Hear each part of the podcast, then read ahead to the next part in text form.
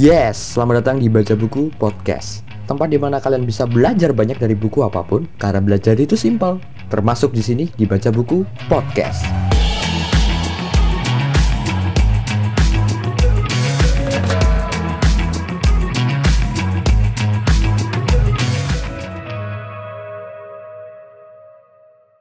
Untuk topik di episode ini adalah etika humanistik versus etika otoritarian. Apa itu? Yuk kita baca sekarang. Dalam etika otoritarian, pemegang otoritas menyatakan apa yang baik bagi manusia dan menentukan hukum-hukum serta norma-norma perilaku. Dalam etika humanistik, manusia itu sendiri merupakan penyusun norma-norma sekaligus pelaksana norma-norma sumber formal norma-norma atau agen yang mengatur serta inti norma-norma tersebut. Oke, dipahami ya. Pemakaian istilah otoritarian ini ya, meniscayakan adanya penjelasan atau konsep otoritas. Begitu banyak kebingungan yang muncul berkaitan dengan konsep ini lantaran secara luas diyakini bahwa kita ini dihadapkan pada alternatif memiliki otoritas diktatorial, otoritas irasional, atau tidak memiliki otoritas sama sekali alternatif ini bagaimanapun juga keliru. Masalah yang sesungguhnya adalah jenis otoritas apakah yang harus kita miliki. Ini penekanan pada jenis otoritas. Tatkala kita membahas perihal otoritas, apakah yang dimaksud itu otoritas rasional ataukah otoritas irasional? Nah, kita akan membahas otoritas rasional dulu ya. Otoritas rasional memiliki sumbernya dalam kompetensi Seseorang yang otoritasnya adalah fungsi-fungsi yang membuatnya kompeten dalam melaksanakan tugas yang dengannya dia dipercaya oleh mereka yang telah menganugerahkan otoritas tersebut kepadanya. Dia tak perlu mengintimidasi mereka atau membuat terbuka melalui kualitas-kualitas magis.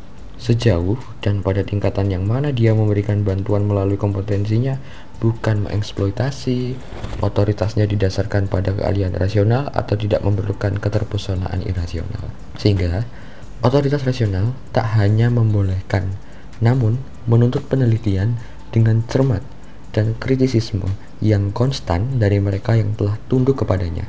Ia bersifat sementara diterima berdasarkan kinerjanya. Itu otoritas rasional. Sekarang otoritas irasional.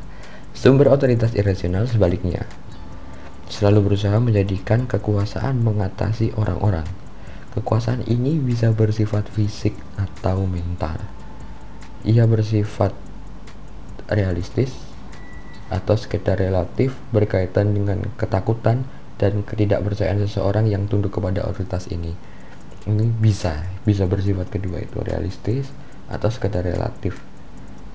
Nah, di sisi lain, Kekuatan takut terhadap orang lain selalu menjadi dinding penyokong yang di atasnya otoritas irasional dibangun.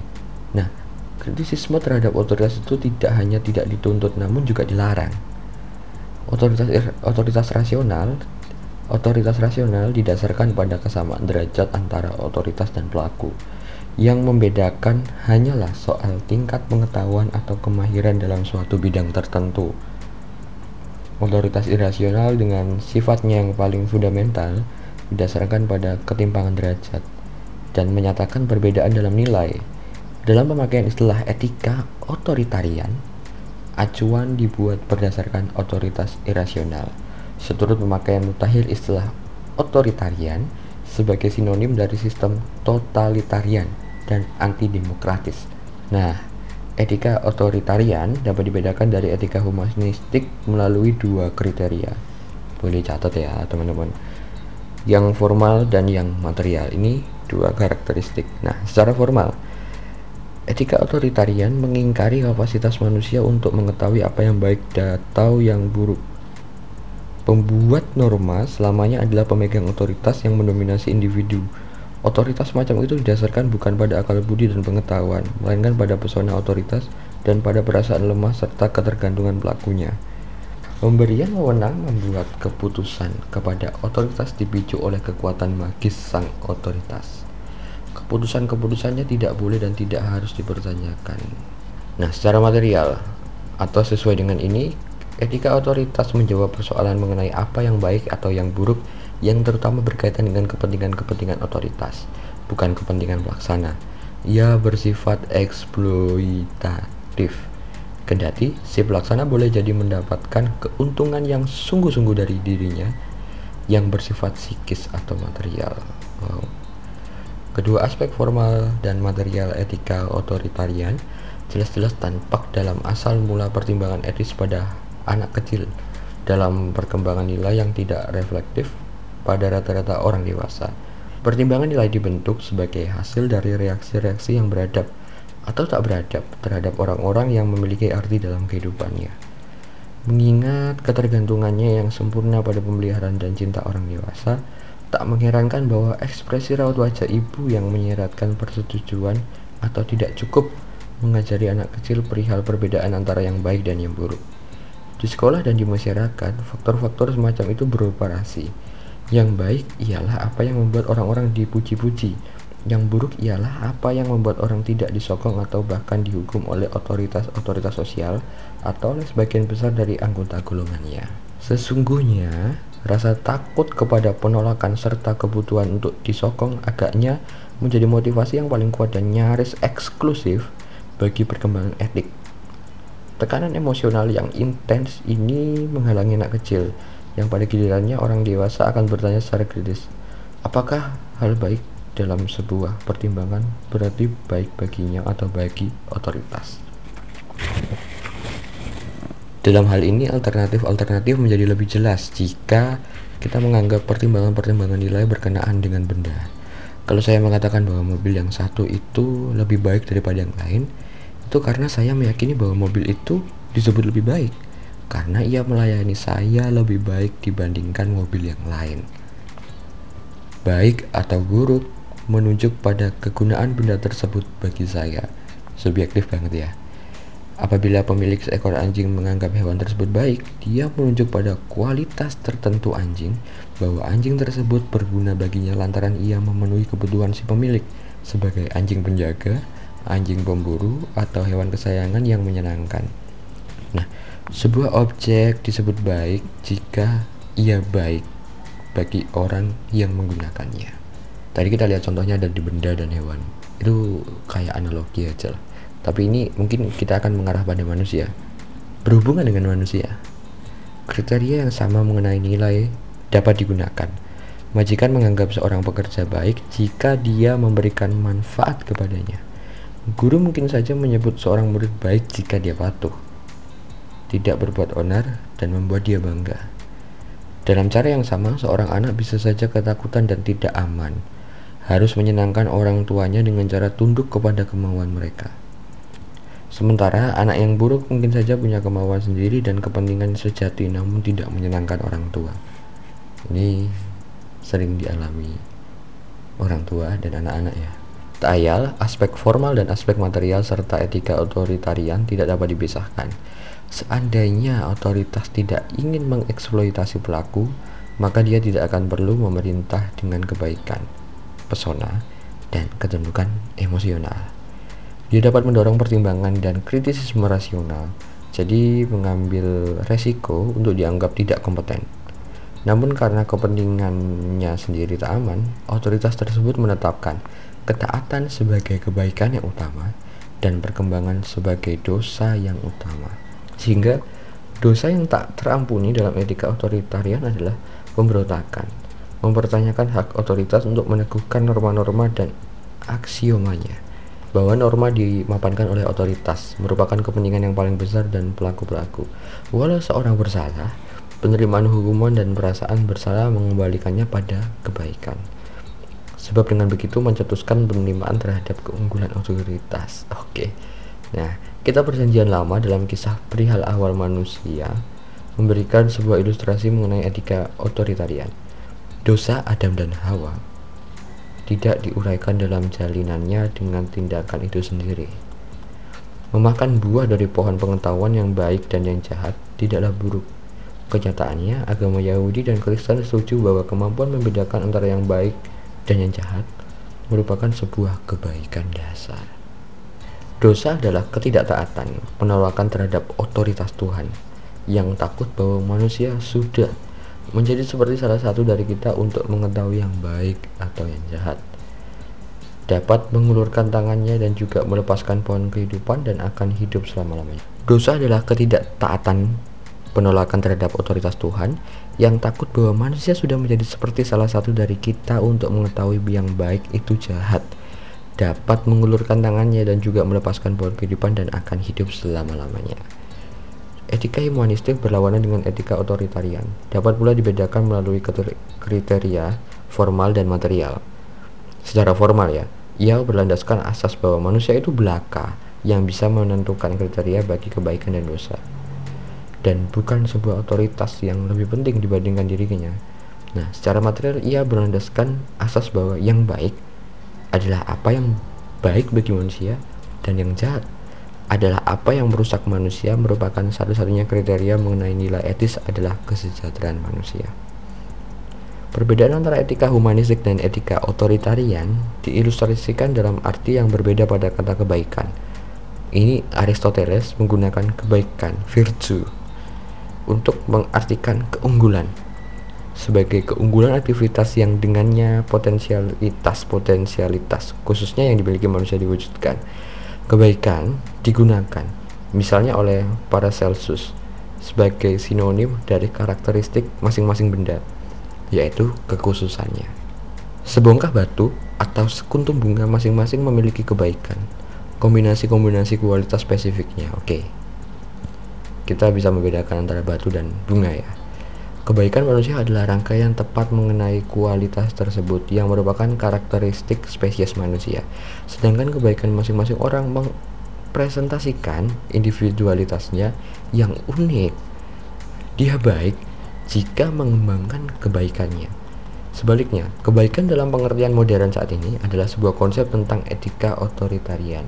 Menjadi baik menandakan penolakan diri dan ketaatan, penindasan atau individualitas lebih baik ketimbang realisasi sepenuhnya individualitas. Mungkin teman-teman agak bingung dengan kata-katanya. Maksudnya di sini adalah kalau aku, gue nih, gue baik jika gue mengembangkan kebaikannya. Nah, sebaliknya, kebaikan dalam pengertian modern yang tadi itu disebutkan itu lebih condong kepada etika otoritarian saat ini. Menjadi baik menandakan penolakan diri dan ketaatan. Misalnya lo mungkin waktu SMP SMA lo dibilang jahat atau dibilang jelek ketika rambut lo gondrong dan lo tidak menaati peraturan itu yang dimaksud otoritarian. Ini sepenanggapan gue ya. Itu yang dimaksud otoritarian. Padahal gondrong itu belum jahat. Menurut kita itu baik. Mungkin menurut norma menurut tatanan menurut ya peraturan. Tapi kita harus tetap patuh. Karena lu dianggap baik ketika lu patuh. Dan lu tidak punya masalah dalam aturan-aturan itu. Mungkin paham saya sampai sini ya.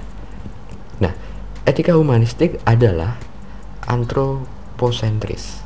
Tentu saja bukan dalam pengertian bahwa manusia adalah pusat alam semesta, melainkan dalam pengertian bahwa pertimbangan-pertimbangan nilai serupa dengan semua pertimbangan yang lain dan bahkan persepsinya mengakar dalam kekhususan eksistensinya dan menjadi bermakna jika berkaitan dengannya. Manusia sesungguhnya adalah ukuran semua benda. Posisi humanistik ialah bahwa tak ada yang lebih tinggi atau tak ada yang lebih bermartabat ketimbang keberadaan manusia. Berbeda dari posisi humanistik ini, telah diajukan bantahan bahwa ia berada di dalam sifat dasar tingkah laku etik yang juga berkaitan dengan sesuatu yang mentransendensikan manusia. Yang lebih penting ketimbang manusia. Dan dengan demikian kepentingan sendiri tidak dapat menjadi moral yang sungguh-sungguh sehingga objeknya hanya akan menjadi individu yang terisolasi yang egoistik atau mementingkan diri sendiri.